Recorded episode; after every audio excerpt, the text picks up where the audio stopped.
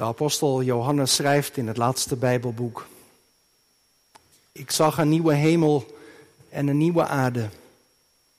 Want de eerste hemel en de eerste aarde waren voorbij gegaan en de zee was er niet meer.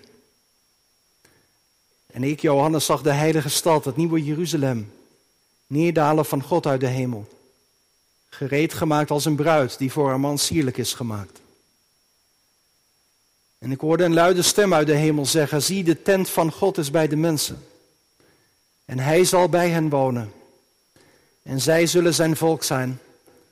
En God zelf zal bij hen zijn en hun God zijn.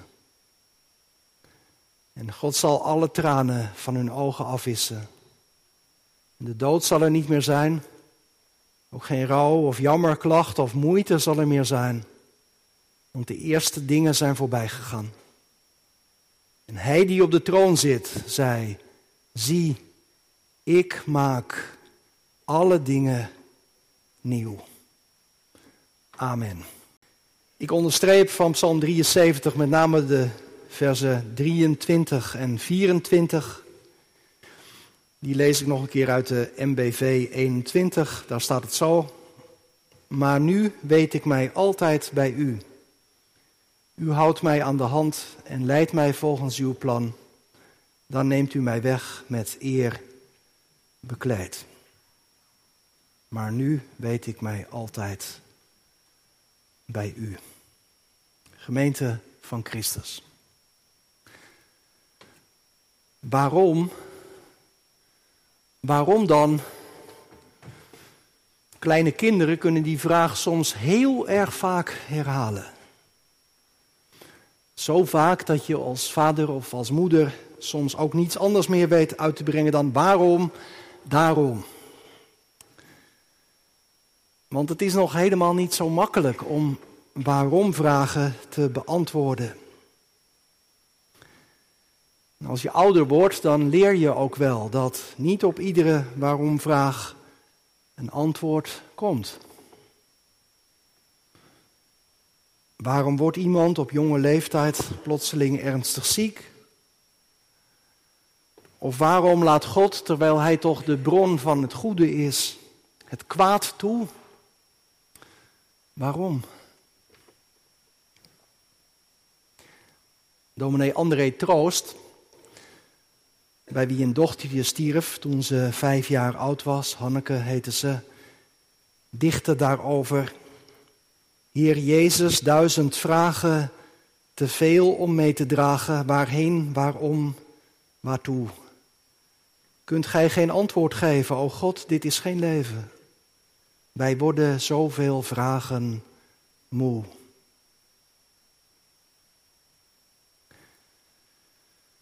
Ook al zijn er op zulke waarom-vragen vaak geen bevredigende antwoorden te geven, het is daarmee nog niet verkeerd om ze te stellen, om ze hardop uit te spreken. Dat blijkt wel in de Bijbel. Ook daar kom je heel vaak de vraag naar het waarom tegen. Mensen stellen die vraag aan God omdat ze hem niet begrijpen. Omdat ze niet kunnen verklaren hoe God in deze wereld aan het werk is. Omdat ze niets begrijpen van waarom ze niets van God ervaren terwijl ze hem zo hard nodig hebben. Waarom is dat? Wat is daar de bedoeling van?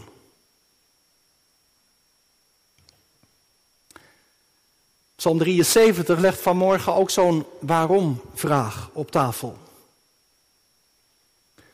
Asaf, de dichter, die schetst een rouwbeeld van de samenleving. Er loopt, dat heb je denk ik wel gemerkt, een scherpe tweedeling doorheen. Het gaat aan de ene kant over mensen die het leven toelacht. Vanaf vers 4 worden ze in een paar pennenstreken getypeerd. Ze kennen geluk, ze zijn niet ziek, ze hebben genoeg te eten.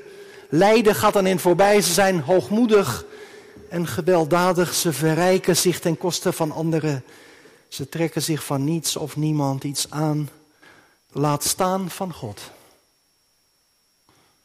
Want als ze het over God hebben, dan is het vooral in spottende zin.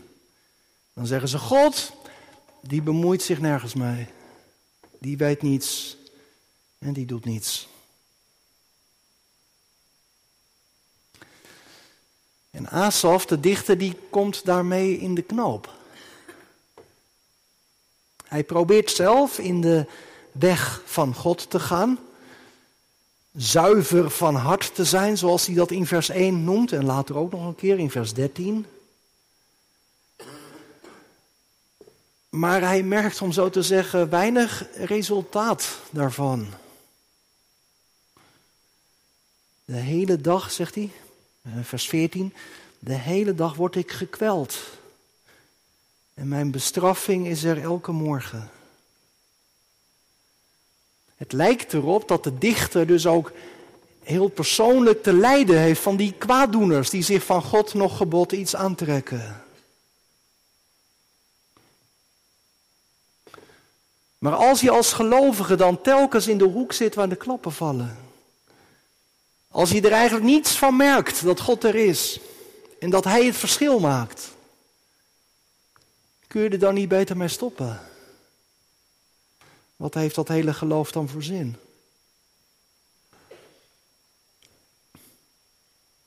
Nou is het natuurlijk, misschien zit je dat zelf ook al te denken. Nou is het natuurlijk niet zo dat hier in deze psalm een soort algemeen beeld wordt geschetst over het leven van gelovigen en van niet-gelovigen. Alsof niet-gelovige mensen altijd een heel makkelijk leven hebben. En gelovige mensen vooral tegenspoed en ellende meemaken. En alsof ongelovige mensen er vooral op uit zijn om gelovige mensen de voet dwars te zetten. Wij weten allemaal, toch, dat de werkelijkheid zich niet in zo'n schema laat persen. Maar dat is dan ook niet het punt dat hier wordt gemaakt. Je zou kunnen zeggen, het gaat over een heel persoonlijk getuigenis. De dichter die krijgt het gewoon niet rond. Hoe kan het dat God het allemaal maar laat gebeuren? Waarom, dat is ook wel de vraag die eronder zit, waarom grijpt God eigenlijk niet in als mensen een samenleving kapot maken? Waarom lijkt het alsof hij met zijn handen op zijn rug zo een beetje staat toe te kijken? God is toch de God die recht doet? Waarom is daar zo weinig van te merken? Waarom?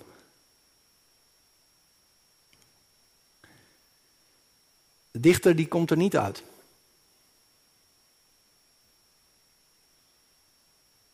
Ik weet dat velen van ons zulke waarom-vragen ook wel kennen en herkennen. Vanuit je eigen leven. Omdat er dingen gebeurden die tot op de dag van vandaag een raadsel blijven. Ik vergeet nooit dat ik, ik was een heel kort dominee in de gemeente van Zalk was ik begonnen. En ik kwam op bezoek bij een oudere mevrouw, ze was al ruim de tachtig gepasseerd. En in de loop van de jaren ben ik er vaker geweest. En altijd, altijd vertelde ze weer over dat kindje. Dat ze op jonge leeftijd waren verloren. En altijd moest ze dan ook weer huilen. En vroeg ze, waarom was dat? Waar was dat goed voor? Waarom vragen? Die opkomen vanuit ervaringen in je eigen leven. Maar ook, ook als je om je heen kijkt in deze wereld, toch? Want als er een God is van wie wordt gezegd dat het recht bij hem veilig is, waarom is er dan zoveel onrecht? Hoe lang krijgen de kwaaddoeners speelruimte om hun terreur uit te oefenen? Hoe lang gaat dat door? En, en waarom moet dat zo lang duren?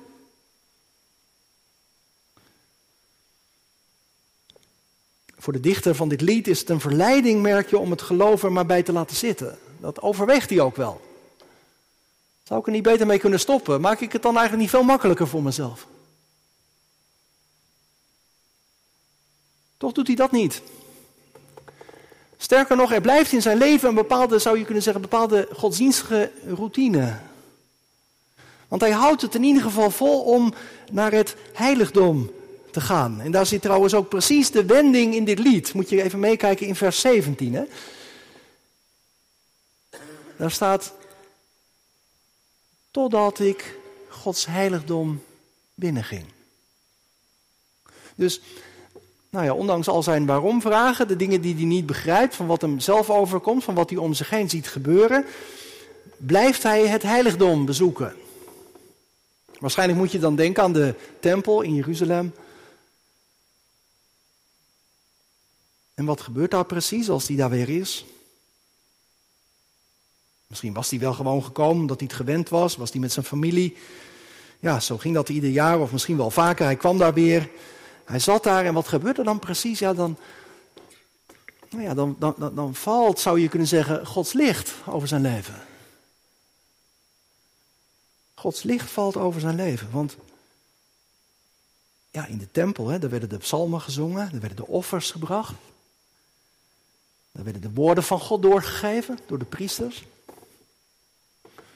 En, en, en door dat alles heen ontvangt de dichter opeens een ander perspectief. Hij gaat anders kijken.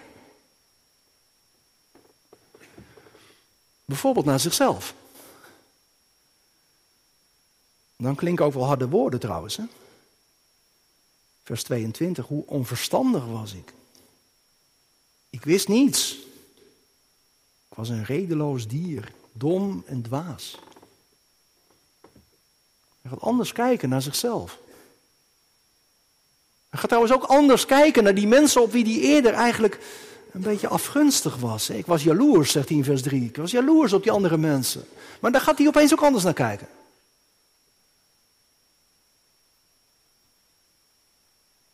Want zij hebben, zegt hij, uiteindelijk geen perspectief. Het lijkt hen allemaal goed te gaan, maar daar zit een eind aan. Hun leven gaat voorbij. Uiteindelijk, uiteindelijk was dat ook geen leven wat zij leidden. Het draaide alleen maar om henzelf. Wie zo alleen maar leeft voor zichzelf, die heeft geen toekomst. God lacht hun droombeeld weg, vertaalt Martin Boerber vers 20. God lacht hun droombeeld weg. De bozen, de mensen zonder God, die hebben uiteindelijk geen toekomst. Asaf ontvangt in de tempel een ander perspectief. Misschien had hij dat helemaal niet verwacht en zat hij er gewoon weer naar zijn gewoonte. Maar toen ging opeens de hemel boven hem open. Je zou kunnen zeggen, wij zijn hier vanmorgen ook gekomen om, om Gods licht over ons leven te laten vallen. Misschien ben je hier ook wel gewoon omdat je het zo gewend bent. Misschien heb je niet speciaal heel veel verwachting van. Of misschien heb je er juist wel heel veel behoefte aan, aan een woord van God. Aan licht over je leven. In ieder geval zou ik vanuit deze psalm willen zeggen dat het onder de streep uiteindelijk wel is wat wij allemaal nodig hebben. Dat God naar ons toe komt en dat hij ons een nieuw perspectief aanraakt. Zodat wij anders gaan kijken. Anders gaan kijken naar onszelf, anders gaan kijken naar de mensen om ons heen, anders gaan kijken naar deze wereld en ook anders gaan kijken naar God. Dat is, dacht ik, wel de grootste perspectiefwisseling die in dit lied plaatsvindt. Asaf was verbitterd. Hij kon maar niet begrijpen waarom de dingen gaan zoals ze gaan. Hij lag overhoop met God en met zichzelf. Tot hij de ontdekking doet hoe groot God is en hoe klein Hij is. Het is alsof je Job hoort spreken. Opeens is er iemand aan het woord die het schreeuwen afleerde en die nu fluistert. Die zwijgt, die als het ware zijn hand op zijn mond legt. Wat dacht hij wel? dat hij kon begrijpen hoe God werkt. Maar dat is na die omslag, na dat bezoek in het heiligdom, verleden tijd. Opeens komt er een heel diep besef over hem. Een besef van Gods nabijheid. En dat maakt alles anders. Zoals dat lied zingt, ik heb mijn God, dat is genoeg. Ik wens mij niets daarneven. Kijk even mee, vers 23. Niettemin zal ik voortdurend bij u zijn. Niettemin, echter of maar, maar nu weet ik mij altijd bij u. Dat woordje maar of echter, dat maakt dus duidelijk dat het niet om een logische gevolgtrekking gaat uit het voorafgaande. In die zin zou je ook wel kunnen zeggen, als die dichter dan in de tempel is, dan krijgt hij niet opeens op al zijn vragen antwoord. Niet alle raadsels worden opgelost. En toch is er een omslag. Omdat hij opeens beseft, gelooft, weet, ik ben in Gods ontferming opgenomen. Maar nu weet ik mij altijd bij u. Er is niets dat mij van God kan scheiden. Mijn vragen niet, mijn verdriet niet, mijn pijn niet, mijn wanhoop niet, mijn twijfels niet. Ik weet mij altijd bij u. Hoe dat nou helemaal precies is gegaan, die omslag, dat staat er niet. Maar ik herken het in ieder geval zelf wel. Dat je soms aanschuift hier in de kerk. Of dat je voor jezelf de Bijbel opent. Of dat je een gesprek hebt op de Bijbelkring en dat zich opeens een nieuw perspectief ontvouwt. En wat hebben wij dat telkens weer heel hard nodig? Ik denk aan de familieleden van de mensen die dit voorbije kerkelijk jaar zijn overleden. Wat fijn dat jullie er zijn vanmorgen. Misschien loop je ook met iets van die waarom-vragen rond. Want de dood is een verschrikkelijke vijand. Ik kan dat niet verzachten vanmorgen. Wie zou dat kunnen? Maar ik mag je vanuit deze psalm wel een boodschap van hoop meegeven. Dat wij ook in de zwartste nachten van ons leven niet zijn overgelaten aan onszelf.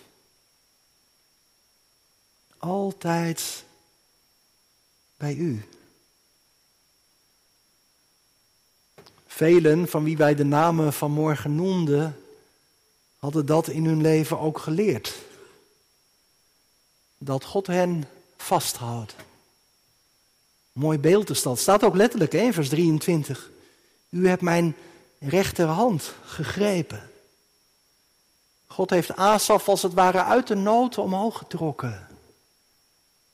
Zoals je als ouders je kind opteelt als het gevallen is. Zo doet God.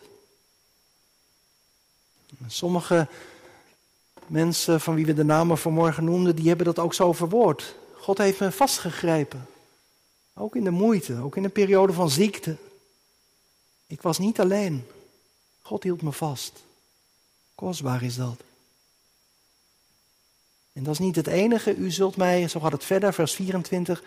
U zult mij leiden door uw raad. Of u leidt mij volgens uw plan. Je kunt dat lezen als het loopt God niet uit de hand. Maar het plan van God, dat kun je ook verbinden met het onderwijs van God. God heeft zijn woorden aan ons gegeven om ons te leiden. Om zijn plannen bekend te maken. En die woorden van God, die klonken ook in dat heiligdom.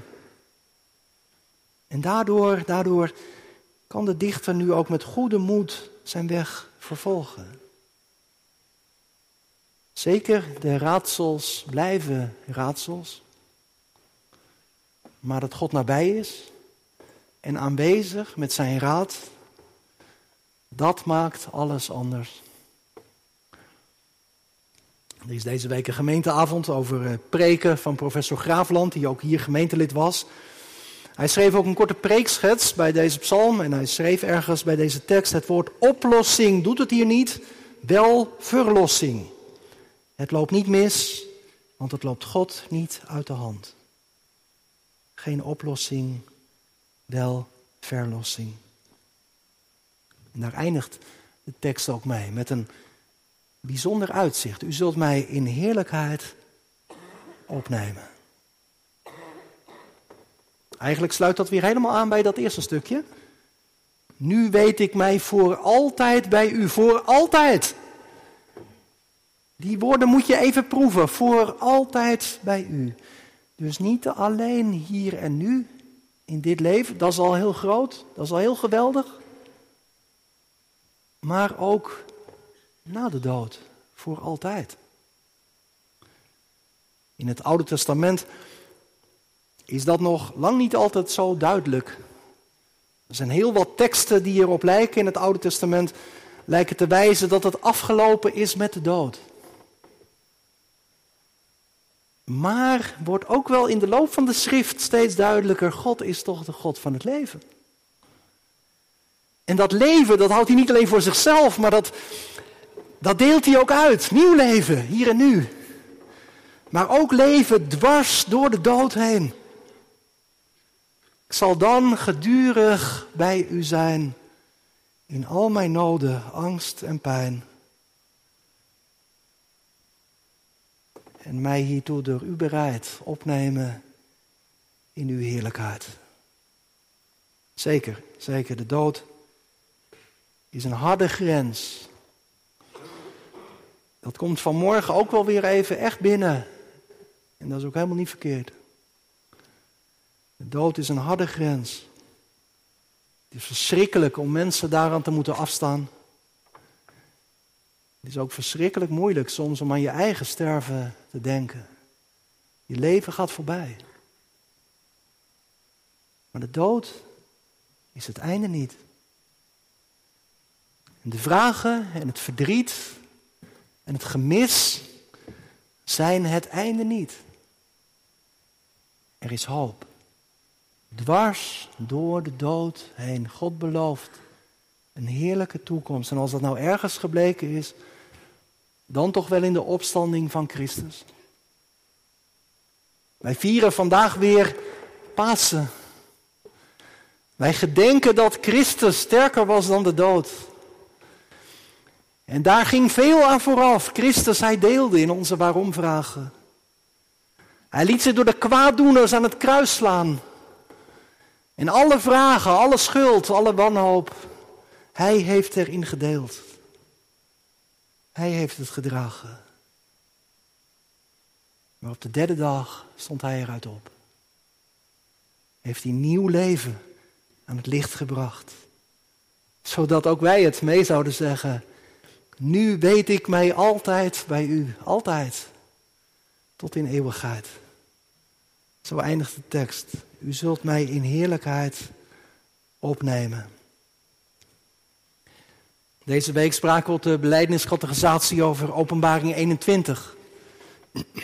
Daar wordt iets getekend van die heerlijkheid.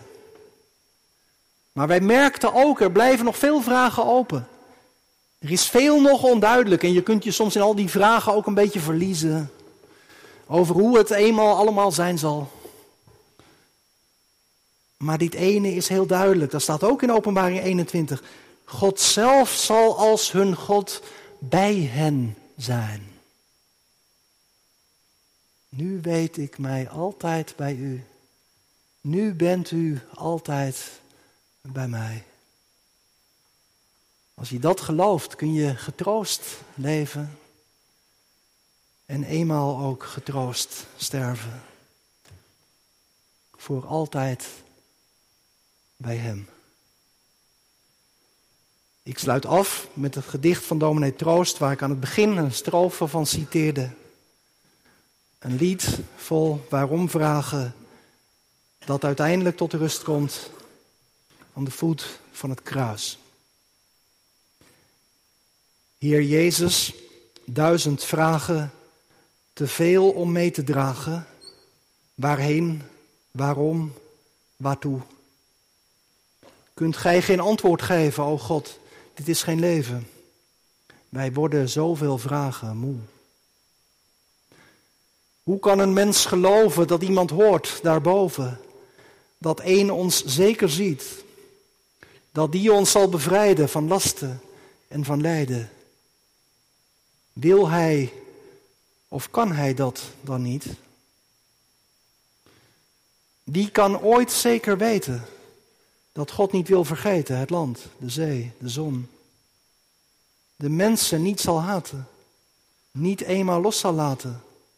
Het werk dat eens zijn hand begon. Heer Jezus, al die vragen, gij hebt ze meegedragen, die last. Was dat uw kruis? Dat gij de schuld verzoende, geeft ons geduld voldoende. Het laatste antwoord wacht ons thuis. Amen.